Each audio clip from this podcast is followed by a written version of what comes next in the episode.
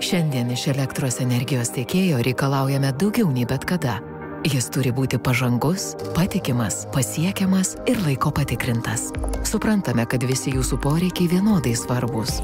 Kai gyvenimas verčia rinktis, paprasta likti su Ignitis.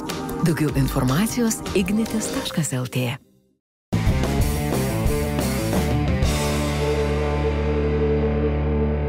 tai sveikiname su jumis Laisvės televizijos žiūrovai. Kaip matote, ratas apsisuko, geras jausmas sugrįžo, mes be kaukių ir mėlynų pirštinių, bet vėlgi esame žydrosiuose ekranuose, į kuriuos mūsų grūdo nelemtos aplinkybės. Apie tai, kodėl mes čia atsidūrėme ir apskritai, kas darosi Lietuvoje ir pasaulyje. Tradiciškai kalba ir vyriausiai Lietuvos komisija, Andrius Stapinas izoliavęsis, Rita Miliutė taip pat izoliavusis, Aidas Puklevičius izoliavęsis ir aš Liudas Dabkus irgi, kaip matote, turiu pasidėjęs vieną kitą knygą naudinga šitam naujam įdomiam laikotarpiui. Andriu, pradėsime nuo tavo patirčių ir ko gero nuo to, ką mes e, matome e, pasaulyje ir Lietuvoje.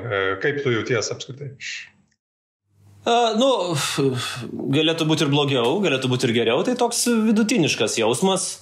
Va, yra tokia užgulta nosis, kosulys, galva sunkiai, nu toks neipatingai darbingas laikotarpis. Bet e, palyginus tuo, kai buvo praeitą savaitę, dar iki testo rezultatų, tai saliginai visai neblogai. Tai, kaip suprantu, dar čia potencialiai gali būti kažkokia komplikacija ryt po ryt, bent jau, nu taip, daktarai sako, kad gali tai būti, bet jeigu ne, tai turbūt turėtų viskas po truputį judėti gerąją linkmę. Kaip jauti vyno kvapą skonį? Oi, šitą tai žinokit, čia jau joks koronavirusas netims šito. Bet aš žinai, turiu omeny, kad aš ir šiaip gyvenime nelabai užuodžiu kvapų, nes turiu labai prastą, tikrai voslę. Tai ar korona ar ne korona, aš vis tiek nieko labai smarkiai neužuodžiu, bet, nu, vat, panašu, kad vis tiek suformavome tokį žydinį ir tas, tas žydinys plečiasi, nes žinau, kad ir su manim bendravę. Žmonės taip pat, kai kurie, kai kurie įdomi, kai kurie testuoja teigiamai, kai kurie testuoja neigiamai. Tai atrodo, kad e, įsibėgėja šitas sniego kamolys. E, mes, kai kalbam, dar nežinom, kiek šiandien uh, turėjom naujų koronaviruso atvejų, bet panašu, kad artėjom link tūkstančio, turbūt čia laiko klausimas, savaitės, turbūt šios savaitės klausimas, kada mes tą tūkstantį, tokia kaip ir, nežinau, tam tikrą prasme psichologinę ribą peržengsim ir keliausim toliau. Aš aišku labai labai linkiu tau nebepajusti jokio, jokio simptomo, bet kai tu kalbi, man labai noris kažkaip tai pasitraukti toliau. nu, žinai, yra kaip yra. o, žinai, pagalvojau, aš vis tiek pagalvojau, kad uh, prisimindamas e, vis tiek tą, sakykime, tokią tikrai dramatišką situaciją, kurią mes turėjom kovo mėnesį, ar ne, kai buvo netgi 20 užsikrėtimų per dieną ir, ir, ir netgi 50 užsikrėtimų buvo per dieną berots ir čia buvo visiems labai panika. Tai uh, ir aš pats, uh, ir man atrodo, ir aplinka, aplinkiniai žmonės, jie tikrai elgesi daug ramiau, nes man atrodo, mes susitaikėm su šito mintim, pamatėm, kad e, yra tikrai didžiulis procentas e, lengvai sergančių žmonių. Na ir e, turbūt priimam tą naują realybę. Mm, manau, kad tų, dėl to tų ir užsikrėtimų galbūt dabar yra sunkiau suvaldyti, nes žmonės priima tą naują realybę kaip galbūt tam tikrą prasme neišvengiamybę, kad, na, tikimybė užsikrėsti vis labiau didėja, bet tikimybė, kad na, bus kažkoks uh, fatalinis efektas, tuo pačiu matau, kad mažėja, nes mes matom tą pačią tendenciją ir pasaulyje? Kad jeigu mes pradėjom, jeigu aš neklystu, apie 6 procentai buvo mirtingumas, tai dabar kai kuriuose valstybėse tas jau net nesiekia 1 procento. Tai truputėlį keičiasi turbūt ir pats požiūris į, į, į, į virusą jam augant, kas tam tikrą prasme yra paradoksas, kaip galvojate.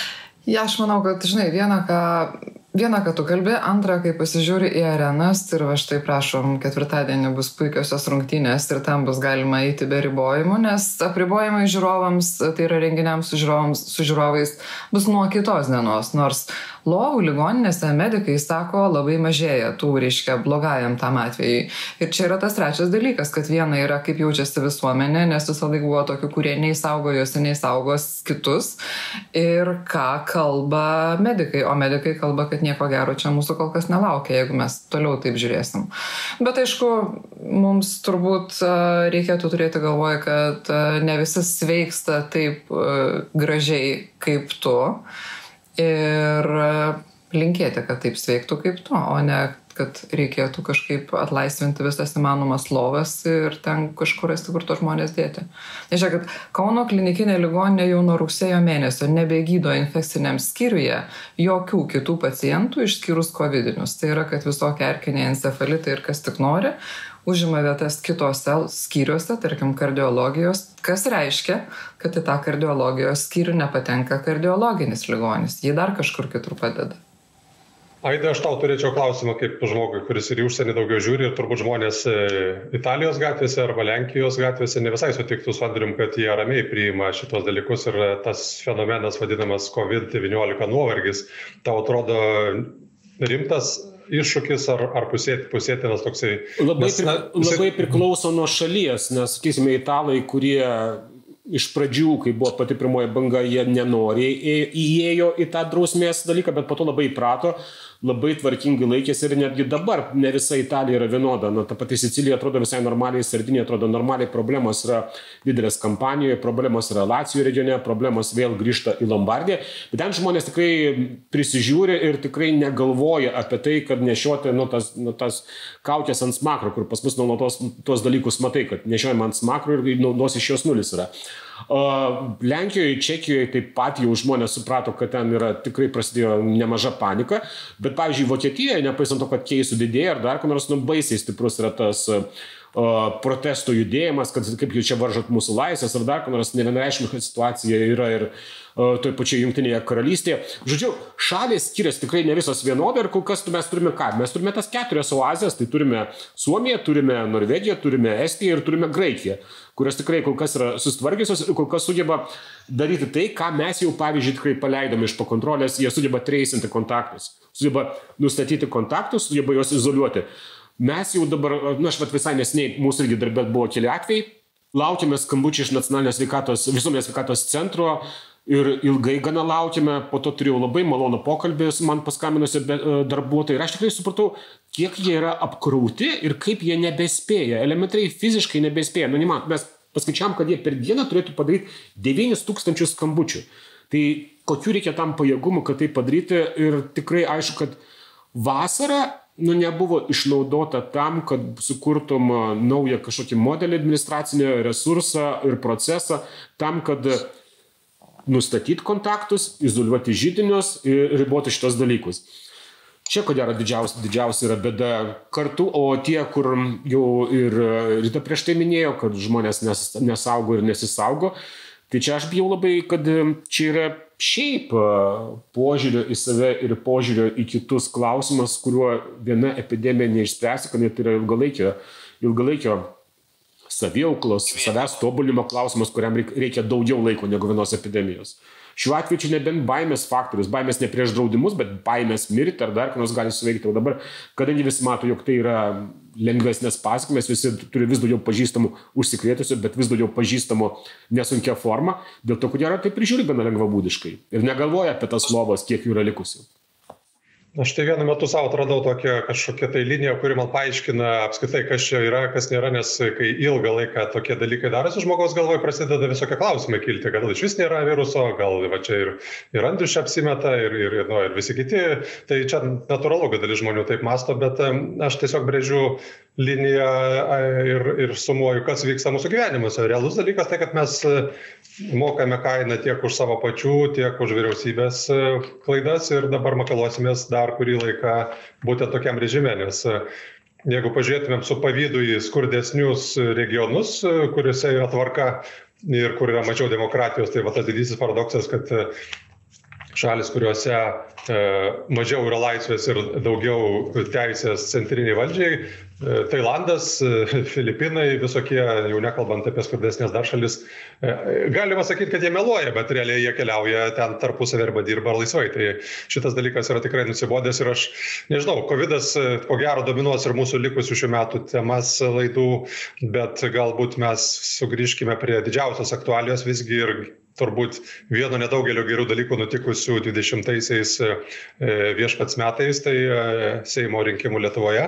Ir aš vakar žiūrėjau ryto tavo pokalbį su galima premjerė Ingrida Šimonytė ir jos požiūris į COVID tą pačią mm, krizę, kaip tau pasirodė, tai yra proto balsas, tai yra šansas kažką kitaip daryti, ar tu nesudarai tokios nuomonės?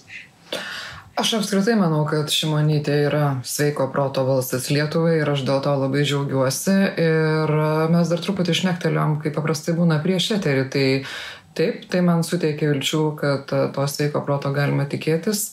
Uh, ypač, kad, na, aš iš tikrųjų pakankamai prastai vertinu, kaip ir mes visi čia turbūt, tą vasaros nepasirengimą arba vasaros neišnaudojimą pasirengimui. Uh, Tai aš tikiuosi, kad dabar to bus mažiau, nes Šimonytė kalba apie tai, kad tikrai kreips dėmesio į speci dėmesį į specialistų rekomendacijas, o ne tiesiog uždarys duris e, prieš nosį tiems, kieno nuomonė jinai nepritarė. Ir visi jos ankstesni darbai rodo, kad nu, tu gali su ją nesutikti, gali ją kritikuoti. Jinai galbūt pyksta už tą kritiką, kuri jai atrodo, na, nebūtinai teisinga, bet jos reakcija į kritiką nėra lyguista, kaip kad mes turim šiuo metu vyriausybėje. Jo, ir toks įspūdis dažniausiai sudaro, kad ji pyksta už, už kritiką kartais ne todėl, kad kritikuojama, bet dėl to, kad ji turi tada gaišti laiką atsakinėdama, užuot užsiemusi dalykais, kurie, nu, jai atrodo tuo metu daug aktualesni, svarbesni, netidėliotini ir labiau degantis. Tai čia tas dalykas. Nu, tai čia yra klasikinio technokrato. Kas dar bruožas? Absoliutus e, technokrato bruožas, kas ir yra uh, šimonytė, kuriai vietoj širdies yra Excelis įdėta. Žinai, kaip sako labai e, šmaikštuoliai. Jo, tai sako, jo ekscelencija. Jo ekscelencija. Bet žiūrėkit, aš bandžiau prisiminti, ne, neturėjau kada gaila, nespėjau peržiūrėti mūsų ankstesnių įrašų. Uh, Bet a, toks įspūdis, kad mes visi prapylėm su savo prognozėm. Ar buvo dabar prognozuojančių, na, bent jau prieš kurį kokius tris ar keturis mūsų susitikimus, kad centro dešinė vis dėlto laimės ir laimės užtikrintai. Aš turiu omeny, kad nereikia jiems ieškoti uh, obulia, obuliavimo su velniais uh, galimybių. Kaip aš manau, nebuvo kas trečia bus partija, aš buvau vienintelis, kuris paminėjau žmonės iš liberalų sąjūdžio. Na, tai čia galima sakyti, ar jie trečia ar ne trečia, ar jie kartu su sosdemais yra trečia, bet kadangi sosdemai šiuo metu ne, niekam nerūpi, tai, tai liberalai visgi. Ir man kažkaip toks dežavo jausmas, aš pakankamai senas žmogus ir matęs tų visokių e, krikždučių parskridimų. E, nenoriu nieko linkėti blogo, bet aš kažkaip prisimenu 2000-osius, kuriuos ir jūs turėtumėte prisiminti, kai e, Valdo Demkaus pirmoji komanda formavo naujosios politikos bloką Na, aišku, Lietuva buvo nu, kitokia ir politika kitokia. Paklausyk, dabar jeigu buvo e, liberalų vėlgi e, Pakso vedami, Ozolo ir kas ten dar Polauskas buvo, man atrodo. E, klausimas yra toks. E, Ozolas su centro ir dar kažkokie krikdemai. Šitie buvo moderni, moderni, moderni krikdemai su, su Bogušiu. Tai dabar tokio dirbtinumo nebuvo, čia nebuvo tokios glopojančios rankos, nieks čia nieko nedarė, bet e, klausimas būtų apie darbo partiją, kuri buvo minima mūsų pokalbiuose anksčiau ir vėliau. E, jos vaidmuo, jeigu liberalai, kurie yra linkę šiaip tai į individualizmą, į laisvę ir susipykimus, ims nubirėti nuo jų kada ten atsimenu po metų nepilnų, man atrodo, pasikeitė koalicijos partneriai ir Polauskas sudėjo su sosdemais ir viskas buvo, kaip atsimenate, visai kitaip. Aš kalbu apie tvarumą šitos koalicijos. Gal Einšteinai dar nesudarė. Aš tai, kai prisimenu tą, tą laikotarpį, tai ten buvo šiek tiek kita problema. Ten buvo problema visų pirma Pakso problema, kuris buvo jau nu, po, to, po tos pergalės ir po to triumfo grįžimo kartu su liberalais labai jau pasileido plaukus ir labai pakilo į padangės ir elementariai su juo likusiai koalicijos partija nebelabai galėjo ir susišnekėti. Tai dėl to ir įvyko tas kilimas, kuris iš pradžių įvyko pačioje koalicijoje, po to įvyko pačiose liberaluose, kai Paksas išėjo ir įkūrė savo libdemus tada. tada. Tai tos priežastys gal tiek šiek tiek skirtingos ir jos susijusios ne, ne su vertybiniais požiūriais, kad individualistai linkia dar ko nors, bet grinai su vat, asmenybės problema. O Laisvės partija negali būti Paksas 2 su savo stipriomis vertybinėmis pažiūromis, pavyzdžiui. Ne, tai aš turiu, būtent turiu, kad Paksas neturėjo jokių vertybinių pažiūrų, ten grinai asmenybės e, charakterio dalykai. Dar aš pridėčiau turbūt, kad, žinai, ten ta 2000 metų e, variantas tai buvo ekscelencijos Adamkaus labai norimas Taip. padaryti ir ten to dirbtinumo buvo gan daug, nes jisai juos cypiančius ir klykiančius sus, susodino į vieną valtį ir pastumė plaukti. Nu, tai ir logiška, kad jie ten pradėjo nu, šokinėti labai ten, ten buvo labai senas nu, sumanimas ir ne tik ekscelencijos, bet ir jos patarėjų, kad sukurti galų galę alternatyvą uh, konservatorių ir, ir LDP dvi, dvi, dvi, dvi, dvi valdystėj. Aš nematau daug panašumų irgi, nes ten buvo visiškai dirbtinis darinys, o čia yra toks, na, gali skirtingai vertinti laisvės partijos žmonės, kuriuos daugelis pirmą kartą, iš, apie kuriuos daugelis pirmą kartą išgirdom dėka šių rinkimų, bet, na, jie vis tiek turi kažkokį požiūrį į dalykus ir jų taip dirbtinai niekas į tą valtį nesodino ir prieš pastumant ir klo bent jau vieno neištraukė iš nagų. Kitaip tariant, jie patys lipa į tą valtį, tai aš dėl to manau, kad vis dėlto šitas darinys yra tvaresnis. Jo, Gerai, trys prieš vieną e, klausimas išspręstas, e, koalicija gyvos ketverius metus. Toliau. O ne, nebūtinai, jokiais būdais. Nebūtinai, nebūtinai, bet, bet... Aš sakyčiau, kad bent jau duokim jiems pradžiai pusmetį, žinai. Pradžiai duokim jiems o. susitarti, ką? nu, tai susitarti atrodo, kad susitars, žinok. E, aš manau, kad yra galbūt keli nu kas yra, gerai, kas yra dabar tokie stumbling blocks, dėl ko galima nesusitarti? Turbūt keli Mm, dėl premjero viskas aišku, dėl Seimo pirmininko turbūt irgi daugiau mažiau viskas aišku, kad e, Viktorija Čmilytė Nilsen, tai kas gali būti? Keli stumbling blokai gali būti e, ministrai.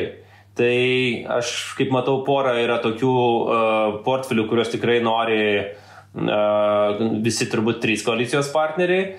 Mm, ūkio, e, atsiprašau, ūkio ekonomikos ir inovacijų, švietimo ministrė, bet aš manau, kad turbūt švietimo ministro konservatoriai negali atiduoti, nes čia eitų prieš visą jų kampaniją ir prieš viską, ką jie kalbėjo.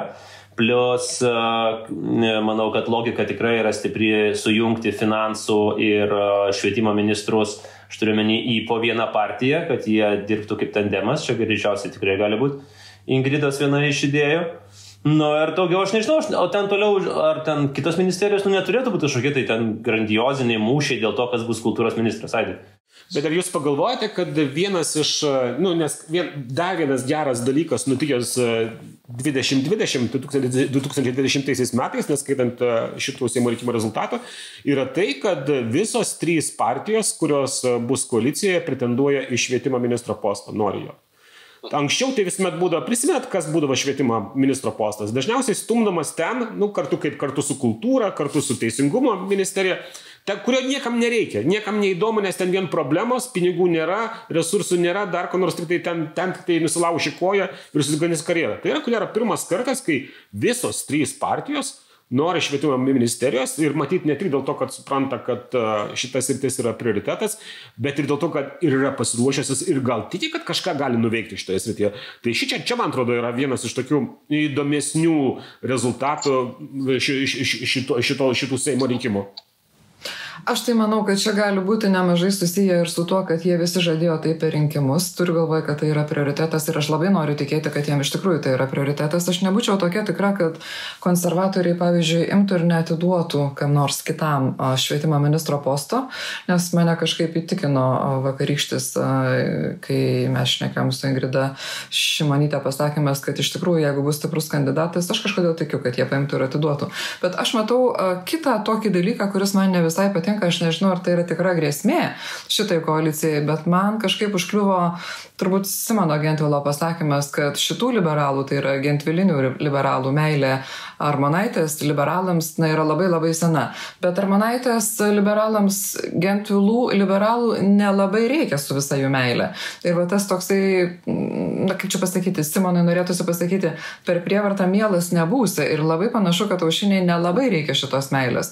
Tai aš čia matau labiau trinti, kuri gali įžiepti kokią nors nesantaikos kibirkštį. Na, aš dar, dar grįžti, manau, kad dar yra ir tam tikras agroliberalų fa faktoriukas e, liberalų sąjūdėje. Aš dabar neatsimenu, nes ne, nepasikėliau uh, Seimo narių sąrašo nuo liberalų, nuo liberalų sąjūdžio, bet man atrodo, trys ar keturi agroliberalai ten yra. Kiek trys, ar ne? Nuo, nuo keturių iki dviejų, priklausomai nuo klausimo. Būdavo ankstesnėje kadencijoje ir du tikrai yra. Nes kai kurie iš jų kartais būna labiau agro, o kartais labiau liberalais. Mhm.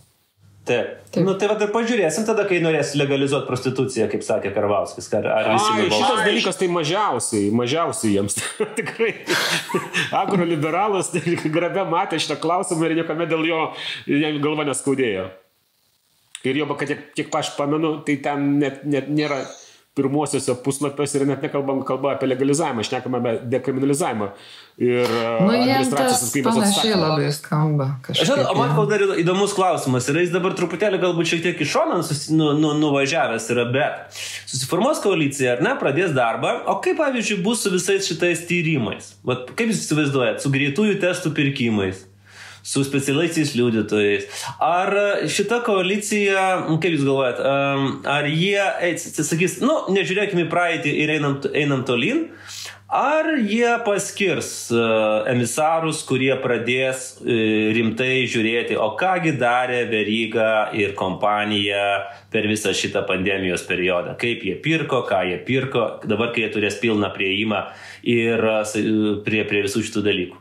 Žiūrėk, aš kažkaip manau, pilnesnio neturės, negu dabar turi, jeigu jau taip iš tikrųjų. Vienas nu, dalykas, o antras dalykas, man kažkaip atrodo, kad nu, nelabai bus laiko komisijoms, nes pirmas dalykas, tu turėsi, kaip tau susitvarkyti su ta antraja banga ir dar trečiaja, jeigu ji bus ant pavasario. Antras klausimas, kaip pasiruošti vakcinavimui, kuris vis tiek kažkurio metu turėtų pradėti. Ir trečias dalykas, ką reikės daryti su skylė biudžete ir su visais, vis, visom tam įmanomam, nežinau, V formos, L formos ar W formos krizėmis, kurios tikrai pareis ir jos galbūt bus kitokios negu kad buvo 2008 metais, bet kažkas bus ir jų pasiekmes taip pat reikės suvaldyti.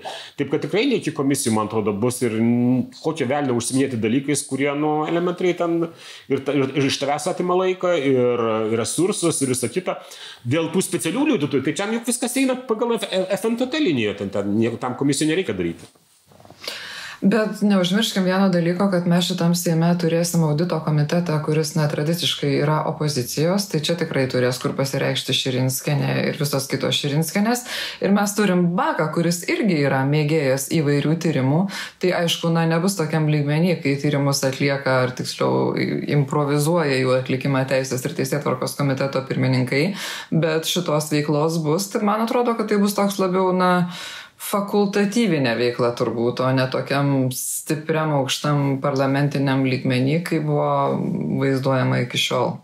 Bet yra kitas dalykas, kad tas audito komitetas, aš visiškai nebejoju, kad su pasigalastais nagais ir, ir pasidroštais dantim kaip CLRT, nes galų galia tai bus vienintelė vieta, kur jie galės neršti taip, kaip buvo įpratę iki šiol. Ir čia yra dar vienas dalykas, kad dabar konservatoriai labai pasisako už žiniasklaidos laisvę, už tą patį LRT laisvę ar nepriklausomą.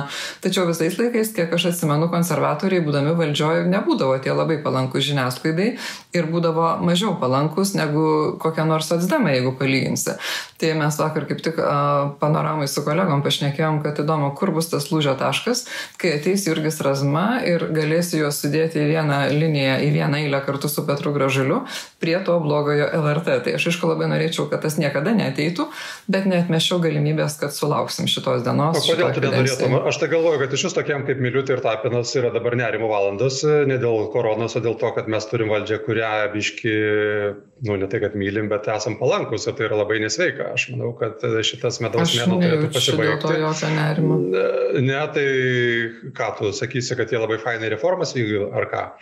Tai manau, aš niekada kad... nesakiau, kai jie fainai vykdė reformas, tik man atrodė, kad jie ne fainai jas vykdė ir aš neturiu jokių problemų pasakyti dar kartą, jeigu reikės. Nu, Rita, bet sąžininkai, jeigu pasakytumėm, lyginam dabar va, šitos normalius mūsų supratimu politikus, kurie pakeičia šitokią tamsą, kuri tvirojo ir, ir truputį nejaukų kritikuojančiam žmogui turėtų būti.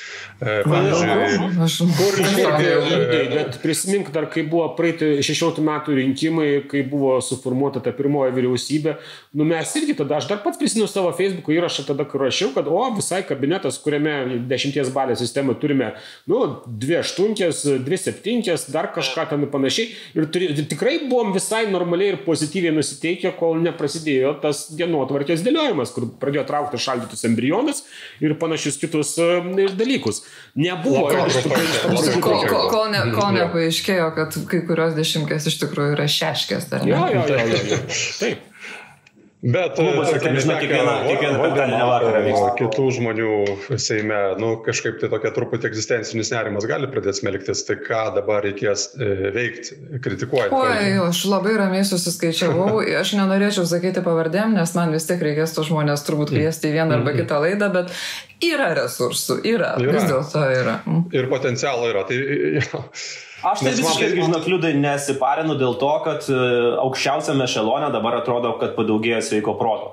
Mes turim uh, pirmą ešeloną, kaip, kaip sakoma, championshipą, mes turim antrą lygą, kur yra visa biurokratija sulindus, tie vadinamieji, kaip Arūnas Dulkys labai gerai pasakė, reiškia biuro oligarchai. Kuriuos reikėtų, kuriais reikėtų užsimti ir juos padrošti. Oi, regionai yra lygiai tokie patys blogi, kaip ir buvo, gal netgi dar blogesni. Tai, tai sakau, tas faktas, kad ne, galbūt, galbūt nereikės kiekvieną dieną žiūrėti ir, ir klausytis premjerė, premjerės kalbančios apie tai, kad reikia užčiaupti burnas medikams išvažiuoti ar verslus, verslui galvoti, ką daryti, jeigu jisai nesugeba išgyventi ten poros mėnesių mėnesių. Tai tikrai tai nereiškia. Mėnesio. Mėnesio. Mėnesio. Nes čia būdavo epizodų, kai Haroldui Matskevičiui nereikėdavo faktiškai net kurti siužetų, jie patys susikurdavo arba net ir tavo vakaro pošnekėsiams jie būdavo parašyti faktiškai, tu juos paėmė ir įsidedi. O prieš tai keturi metai irgi buvo gana smagus, nes šaudėti šaudė būdavo karts nuo karto tipo perliukų. Tai šiuo metu bus tokio darimo ekscelinio, ne? Ir duok dievė, nes jau gal užtenka to tokio, nežinau, eksperimentavimo tiek su sveikata, tiek su švietimu, tai dėl to, kad jie mušasi e, dėl švietimo, tai yra liukso sveikata man atrodytų dar svarbesnė, nes pradės lysti baisus dalykai. Ir aš nebūčiau toks tikras dėl jūsų išvalgų, kad nebus kada e, daryti tyrimų, dėl to, kad e, be valdžios likusi partija, e, jos e, nu, telkiančiojo faktoriaus, jie turės pradėti kažkokią kitą veiklą. Ir kai jie pradės tą e, per audito komitetą tikrinimą ir nuolatinį konstruktyvios opozicijos veikimą, veikiančiai koalicijai, ko gero, liks atsakyti kažkuo. Tai, tai e, galima atsakyti tiesiog įkyriai vaikant musės, bet galima ir pasižiūrėti, kas buvo daryta. O padaryta buvo tikrai nemažai įdomių dalykų. Ir e, nežinau, aš tai nesu toks optimistiškas, kad mes vis taiga nusibraukėm visą savo tradicinę politinę kultūrą ir staiga daromės labai panašus į Danus arba Švedus. Oi ne, aš irgi nesu tokia optimistė, kad galvočiau, kad viską nubraukė. Aš tik bandžiau pasakyti, kad tas audito komitetas iš tikrųjų jisai gali būti tokia zvimbentė musė, į kurią tu gali reaguoti, į kurią tu gali nereaguoti ir gali tiesiog balsavimu pasakyti, jau parlamentiniu balsavimu pasakyti, ką tu galvoji apie to komiteto išvadas. O Širinskenės ir jos kompanijos gebėjimai konstruktyviai ką nors ištirti, na kaip ir yra žinomi, nes tai yra netyrimai, o parodė iš tikrųjų.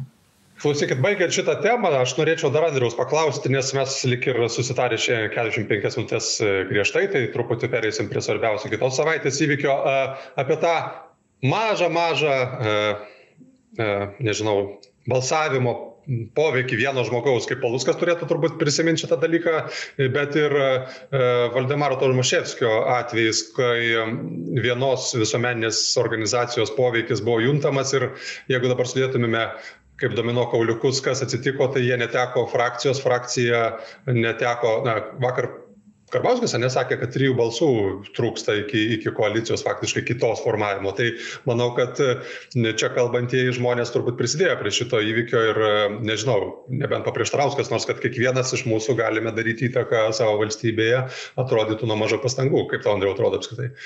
Paprieštarauk, Andriu. Mhm. Paprieštrauk. Ne, nereikėjo Valdemarui lot ant laisvės kelio. Vat aš taip. tai, čia, tai čia buvo asmeninė vendeta, ne? O ne. Ne, ne, ne, čia, čia, čia tiesiog yra Andrius patikė pavyzdį, kuris, e, man atrodo, Diuma vadino istorijos vyrėmis, kad e, maži dalykai apverčia didelius dalykus ir sudėliodavo, nu, kaip pavyzdžiui, Vaterlo mūšyje, iš pradžių Napoleonas apsirgo, po to jo kavalerija užmiršo pasimti kuolus, kuris reikėjo už Anglijos e, artilerijos vamzdžius užkalti. Nu, vat, mažas dalykas, kas kažkas nepasrūpino, užmiršo, tai va ir čia būtų patilėjęs, būtų dabar sėkmingai turėjęs frakciją ir dabar būtų ta pati valdžia vėl valdžioje. Taip. O jeigu žiūrėjau, dar giliau kaip viskas susiję, tai Lukašenka nereikėjo klasot rinkimų, nebūtų buvę protestų, nebūtų laisvės kelio. Nu. Žodžiu, drugelio efektas, efektas buvo šimtaprocentinis. Žinai, kas yra įdomiausia, kad niekas negali išmatuoti to mūsų poveikio. Nei mes patys, nors mes galbūt norim prisimti labai daug laurų, nei, sakykime, mūsų nelabai mėgstantys žmonės, kurie sako, kad čia visiškai neturėjo jokios įtakos. Niekas negali išmatuoti. Absoliučiai nėra jokio matavimo poveikio. Reiškia, mes galim tik tai, na, įsivaizduoti ir turbūt pasakoti ir, ir, ir, ir kalbėtis, bet kad tai buvo tikrai įsimintina rinkimų kampanija. Jis, aišku, dar nesibaigė, mus dabar dar teis ir baus. Tai čia dar, dar kitas niuansas yra. Bet, e, bet tikrai buvo įsimintina rinkimų kampanija ir turbūt, na, tas toksai įdomus buvo vienybės jausmas, kai, matai, vis tiek mums reikia turbūt turėti tą bendrą tokį bendrą vardiklį ir dažniausiai tas bendras vardiklis yra prieš kažką. Bet jeigu dar visiškai baigiant šitą temą, e, liūdai paminėjai Uteną, tai aš tiesiog turiu tokią linksmesnę istoriją. Aš man vakar parašė vienas pažįstamas iš, iš, iš Utenos, reiškia, e, sako, e, žinai, sako, norėjau balsuoti už Palutską, bet žmona perkalbėjo, sako, tu ką durnas, nu balsuok už pupinį. Ir va. Ir va, taip, taip. Aš tai dar noriu prie, prie, prie, prie Tomaševskio visos šitos akcijos, nežinau, ar jūs atkreipė dėmesį, aš turiu tokį kartais, nu, darbą, užmesti akį, kas yra naujo profiliuose įvairių visuomeniai žinomų žmonių, kaip antai premjero žmonos. Tai tarkim, jeigu prieš pirmąjį turą jį uždaroji grupėje agitavo už tokią gerą ministrę, kuri parūpino gabaliuką asfalto jos kaimelio gyventojams, tai po to jinai jau visiškai atvirai užsidėjo tą Tomaševskio parodytą klasikinės tradicinės ir pačios geriausios ir vienintelės teisingos šeimos uh, emblemą, ar kaip ją pavadinti, nu ne logotipą, bet kur yra, uh, iškiai, žuvis kaip tikėjimas. Jo, žuvis suvalgiusi šeimą. Ma, mama, jo, žuvis suvalgiusi šeimą. Tai premjerienė užsidėjo remelį iš Tomaševskio su ta žuvim suvalgiusią šeimą. Ir jau po antrojo turo ji vietoj profilio nuotraukos įsidėjo tokius uh, gražius rudens lapus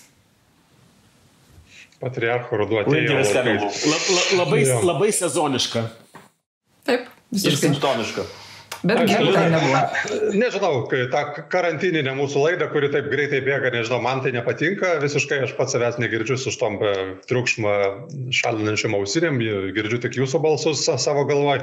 Uh, netrukus atsitiks tai, ko mes laukime turbūt labai seniai ir, ir iškėlėme netgi kažkokį tai keistą užrašą panašų į Hollywoodą ant Vilniaus kalvų. Ten buvo parašyta Trump ir dėl to ištiko visišką ekstazę tiek leftistus, prieš kurie tai buvo nukreipta, tiek raitistus, kurie tai padarė. Ir man pasirodė, kad iš tiesų labai įdomus toks įžengimas į globalizaciją. Lietuva, na jau. E, ir aktyvi dalyvė prezidentinių rinkimų Amerikoje. Tai lapkričio 3 e, daug kas Lietuvoje nemegos, stebės iki ryto ir kaip Aidai tavo prognozės, kurios pildosi, nežinau, praeitą kartą Mykolas Katkus prašovė gana stipriai, šį kartą aš skaitau Guardianą, skaitau visokią lefticinę spaudą, visi sako, kad Bidenas žiauriai pirmauja, reiškia. Aš paskaitau kitus e, portalus, e, e, Fox arba Bardbright ir tie sako, kad Trumpas. Tai kaip tau atrodo, kas čia kam kabina makaronus ir kaip čia baigsis? Kad ir praeitą kartą, kai visi žmonės apkaltino polsterius ir apklausos, apklausas darančias organizacijas, kad jos visiškai prasidėjo prasimovė, realiai tai jos prasimovė tik tai trijose valstijose, nepaskaičiavusios, kad e, tas skirtumas tarp Hillary ir Trumpo buvo nedidelis, bet šiaip visai pataikė ir bendrą nacionalinį balsavimą ir pataikė 47 valstijose. Nu, tai negalima iš karto nurašyti visą sociologijos mokslo dėl to, kad tris valstijas neparašė, nepataikė ir vien dėl to, kad neįtraukė baltųjų žmonių be college education. Per, per mažai jie buvo atstovavimo apklausose. Šiuo metu dauguma apklausų vis dėlto rodo, nu, kol kas bendra nacionalinį tai atsiplėšimą Bideno. O swing statose tas atsiplėšimas yra mažesnis. Nu, yra du, dvi apklausos. Rasmussen ir dar viena, kur, kur tas skirtumas yra visai mažas - 3 procentai. Faktiškai tai yra paklaidos ribose. Tai gali būti, kad jie eina tiesiog neck to neck. Bet e, esmė, ko gero vis tiek viskas susives į tą patį dalyką, susives į Floridą, susives į Pensilvaniją, susives į Wisconsiną. Ir tada aš nežinau, seniai laikas e, amerikiečių savęs klausti, ar vis dėlto uh, tokia rinkimų sistema yra logiška, kai realiai yra abiems kandidatams visiškai dzin. Kas dedasi Kalifornijai, kas dedasi New York'e, kas dedasi Šiaurės Dakotai, nes visi žino ir taip, kaip jos nubalsuos. Ir visa esmė vyksta keli, keliose valstijose, dėl kurių rinkikų balsų ir kaunamas labiausiai. Tai čia vienas yra dalykas. Antras dalykas, kad vėlgi, galbūt reiktų savęs paklausti, ar tikrai tokia sistema yra reikalinga, kai faktiškai viskas susivedė į tai, kad e, Trumpas paskyrė naują teisėją aukščiausio teismo ACB ir kad aukščiausio teismo, teismo, e, teismo vaidmuo yra toks didžiulis, dėl to, kad, nu nežinau, jau kiek metų kongresas apskritai nesugeba dėl nieko susitarti, šiaip netai priima biudžetą, šiaip netai priima kelius kitus įstatymus, o daugiau nieko negali priimti, kadangi yra visiška takoskira ir polarizacija tarp dviejų partijų ir prezidentas valdo šalį savo executive orders. Ir ta imperinė prezidentūra, kuri prasidėjo dar anksčiau, tikrai jį prasidėjo ne prie Trumpo, ir Obama naudoja šitos dalykus, naudoja ir Bušai. Ir akivaizdu, kad e, šita politinė sistema smarkiai sarga. Jis serga ne COVID, o serga tais dalykais, kuriuos aš nežinau, kas juos ištaisys. Ar ta vadinamoji septintoji partinė sistema Amerikai, kurie įvyks vėl relaininant įvairius dalykus, ar dar kažkas, ar atsiras trečia partija, kurią labai sunku kurti ir labai sudėtinga. Bet nu, faktas yra tas, kad tikrai ne viskas gerai Danų karalystėje. Aidai, kas laimės geriau, sakyk. Aha, šneki čia, šneki, ne, kad. Ne, tai aš, aš, aš neku dėl to, kad Trumpas nėra priežastis šitų dalykų ir net nėra pasiekmė, tai jis yra vienas tiesiog iš simptomų. Amerikos problemos yra visai kitokios ir jos gana gilesnės. Ir kas laimės, nu, aš pavyzdžiui norėčiau, kad laimėtų uh, Bidenas vien dėl to, kad tada respublikonai galėtų išmesti visą trumpizmą, susitvarkyti, vėl pajudėti atgal link centro ir kad prasidėtų kažkokia nu, normal, normalus dialogas ir tas vadinamasis bipartisanship. Nes aš bijau, kad vieni judės į vieną pusę, kiti judės į kitą pusę ir galų gale gausis viduryje kažkoks vakumas. Dar Trumpas sakė, jeigu Bidenas laimės apkričio ketvirtą, baigsis virusas, žinai tą? jo, tikrai baigsis, taip. Taip, taip. taip. Tai gal ir būtų faina. Nes virusas yra mąstanti būtybė ir jį laukia labai rezultato, rinkimų rezultato pabaigoje. Ne, ne, virusas tai yra rinkikų komisijose visose, po vieną visose. Bet ar jums atrodo, kad... Kaip suprantu, mes, tai, mes nežinosim lapkričio ketvirtos ankstyvą rytą, kas Teis, yra... Teismas sakai bus. bus. Ne, tiesiog nebus suskaičiuoti dar. Nebus suskaičiuoti balsai. Nes tik tai trijose valstijose leidžiama balsus atsiųstus paštus skaičiuoti dar neprasidėjus rinkimų dienai. Visose kitose juos galės skaičiuoti tik tai būtent tą antradienį. Tai vana, ir tikrai nesugebės, nes nei infrastruktūros nėra, nei e, žmonių, kurie dirba komisijose prisamdytų tiek. Tai faktas tai, kad mes turėsime labai labai labai apitikrį vaizdą tą naktį. Laukinė šalis. Kaip Visiškai. Reikia deleguoti ką nors iš mūsų VRK ir tada mes bent jau galėsim tikėtis tokių smagių pranešimų, kad kokį nors ten neblaivų skaičiuotoją atrado ar panašiai. Dabar tai ką? Ne, neblaivus skaičiuotojas yra graži lietuviškų rinkimų, Seimo rinkimų kultūros dalis ir jeigu ne, ne, nesugauna ne vieno išgėrusio, aš manau, kad rinkimai nepavykė. Tai va, bet reikia skleisti tą patirtį, nešti demokratiją į jos tevinę. Tuoj va, ateis Laisvės partija į valdžią ir priims įstatymą, kad privaloma tvarka visi turi būti neblaivus balsai. Ne, ne, ne visi. Arba, arba, arba, arba bent jau apsirūkė. Po vieną turi būti komisija. Vieną tokį, vieną tokį. Bet čia, kad abudu kandidatai sako, kad e, su Putinu kariaus vienodai agresyviai, čia niekas mums negresia, bet aš neatsimenu tokių rinkimų, kad, kad tai propėtų mums rezultatai. Ir a, tas skaldimas e, visuomenės ar skilimas natūralus e, persimetęs į Lietuvą, man atrodo, bent jau stebint viešą erdvę ir meilė, nemailė tokia labai stipri, nežinau, netrodo jums, ar čia tiesiog yra elito žaidimėliai? Man atrodo, žinok, mes čia tavo burbulas yra. Man atrodo, čia yra irgi parašių pasitaškimas, nes, nu, tipo, Trumpas žengia į Gedamino kalną ir... Nu, jis tapęs yra simboliu ir tai žmonėms visuomet rūpi simboliai ir jis yra tapęs simboliu ne tik tai Amerikoje, bet ir daug kur. Pažiūrėkime, Vokietijoje, Berlyne, kai vyko demonstracijos ir kai nešėsi žmonės plakatus iš QAnon samokslo teorijos ir kai davė intervius, vokietis sakydamas, kad Trumpas yra angelas ir jis įveiks velnę. Nu, tai matome, kad jis visame pasaulyje yra tapęs tam tikrų simbolių tarp tų žmonių, kurie nu, norėtų, kad laikas sustotų ir atvirkščiai kovodžius jais, tie, kur norėtų, kad iš karto bet rytoj būtų ne rytojus, o už po rytojus. Na nu, ir vad, kai jie tam po visus ten, tai ko gero vis tiek dauguma yra tų žmonių, kurie labai nejaukiai jaučiasi bendraudami ir su vienais, ir su kitais ir galvoja, nu, leiskite tam laikui tiksėti savo ritmu ir netampykite jo įvairias pusės. Bet natūralu, kad... Taip. Manau ir turbūt e, ir prognozuoju ir spėju, kad vis dėlto laimės Joe Bidenas. Ir turbūt gal ir norėčiau, kad taip įvyktų. Ir dėl dviejų dalykų. Tai dėl vieno dalyko visiškai sutinku su Aidu. Tai yra, kad uh, Respublikonų partija iš tikrųjų tada turėtų pradėti tvarkytis pagaliau pagal, sakyčiau, normales savo tradicijas. O kitas dalykas, tai man dar labai smalsu pasižiūrėti, kasgi pas mūsų, mūsų Lietuvoje nutiks, kai būtent tiems veikėjams, kurie, kuriems dabar čia Trumpas yra kaip e, ikona, tai kuo jie pakeis tą Trumpo dydžio skylę savo gyvenimuose. Nes tikrai atrodo, kad kai kam jau tiesiog nu, nebeįmanoma bus gyventi, jeigu jo nebus.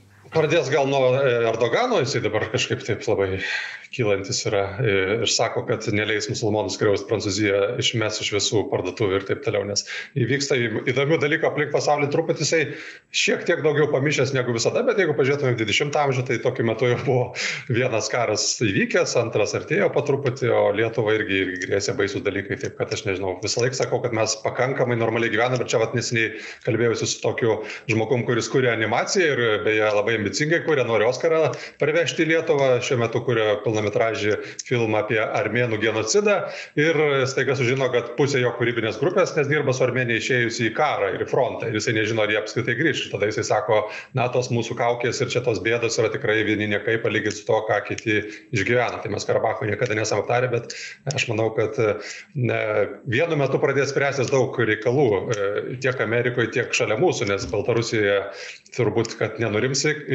protestai, o Lukašenka turbūt irgi nepasiduos. Tai komisija turės apie ką kalbėti, ko gero, lapkričio mėnesį dar daugiau negu šiandien ir nežinau, ar mes jau sėdėsim su dujokokiam, ar, ar, ar, ar, ar, ar, ar kokiais nors kitais būdais bendrausime, bet bandysim likti eteryje. Tai nežinau, turit galbūt baigiamųjų remarkų vienas kitas. Aš turiu. O tu tą foną užsidėjai, kad nesimatytų ko nors, kokio nors vaikiško kilimėlio, kurio nedėrėtų visuomeniai pamatyti ar kaip? Aš tikrai stebiu ir nedarau klaidų, nes e, kiekvienas iki, aš galvoju, kodėl, e, būdamas toks įtakos agentas, e, žmogus arba veikėjas, arba dar kažkas tokiam nikiam peizažį sėdi. Tai aš nesu nei vienas, nei kitas, aš kažkaip tai man patinka knygos. Pas mane labai panašiai ir atrodo, tik tai šitas atrodo šiek tiek gražiau. Kitą kartą sėdėsiu prie tikrų knygų, tada pažadu. Aš irgi noriu kitą kartą, ką nors tokio pasirūpinsiu, nuo kokio nors ten, nežinau nežinau, Prancūzijos pilį su daug šunų. Aš tai visuomet aš tai siūlau uh, tra tradiciškai eiti pasikabinti ant sienos tokį gražų kilimą, kuriame būna du briedžiai prieėję prie naktinio ežero ir žiūri jį. Tai yra, nu, žinai, visuomet paperka žiūrovą. Oksana Pikulė jau turėjo tokį kilimą. Ačiū tavaidai. Aš sus, turėčiau susirasti rytas miške vadinasi. Yra taip, taip, taip, taip, taip, taip, taip, taip. Du meškiukai. Meškiukai arba aš esu matęs kažkur su briedžiais dviem. Okay, tau nu. Aš jums leidus liksiu prie savo čiaupo. Tai gal tu bus jau laisvai. Kaip prognozuojat, kada mes e, susitiksime vėl? Gyvai. Tai po mėnesio, kai Dominikas ne, ne. pasakys ir susitiksim. gyvai, aš A, gyvai. nežinau. Mm. Mm, sunku pasakyti, aš tai sakyčiau, kad e, jeigu pagal viską, tai saulėta balandį. Nu, žiūrėkit, jeigu mes imsimės e, priemonių, apsirengsim deramai, turiu galvoje tuos visokius kombinezonus ir visas kitas apsaugos priemonės, tai tai yra pakankamas būdas apsisaugoti ir apsaugoti ir mes galėsim gal surenkti tokį pokalbį. Arba visi, arba visi persirgsim, arba visi persirgsim per šitą mėnesį ir galėsim sėdėti gyvai ir visiškai vienodai tada bus. Nes tikimybė užsikrėsti iš naujo yra mano vienas iš milijonų. Tai Andriu pasidarai vėjarų vakarėlį tada, ne? čiaupo vakarėlis. Čiaupo Žinot, vakarėlis. Pusė Lietuvos nesiskiepis, kaip parodė neseniai apklausa, jeigu mes jiems dar tikime, tai man atrodo, kad mes dar turim daug ką išmokti. Tai aš ačiū, e, sakau tiem, kas žiūrėjo, Andrius kaip visada už viršuos pasakydamas, kur ką reikia pervesti, o aš tikiuosi, kad kita komisija vyks, e, na, nežinau, bent jau tokiam aplikybėm, Rita turės gražų kilimuką, Aidas e, gulbę ar meškiuką, o Andrius. Briežius. Aš tai jūs viską puikiai žinot, kur reikia ką, ką, ką daryti, kur reikia prenumeruoti Laisvės TV, užsukti į patreon.com e, Laisvės TV. Ir e, taip pat lapkričio mėnesį mūsų laukia pirmasis e, mūsų naujųjų kolegų Davido Pancerovo ir Birutės Davidonytės tyrimas. Jie beje trečiadienį vakare prisistato mūsų Patreonų vidinėme klube. Taigi, jeigu jūs norite paremti būtent tyriamąją žurnalistiką, yra tokia galimybė. 6 dolerių tas lygmuo yra nustatytas, kur yra būtent remiama tyriamoji žurnalistika, įvairūs Davido ir Birutės projektai, kurie iš tikrųjų turės ką veikti. Nes kaip aš ir sakiau, galbūt aukščiausiame šalonė ir bus sveiko proto, bet šiek tiek žemiau ir durnumo, ir įsižeidimo, ir korupcijos, ir suktybės. Ačiū Dievui, tikrai neužte, nepritrūks ir mums darbo taip pat bus. Ačiū visiems, Kebra. Visą. Už tai. Iki. Iki.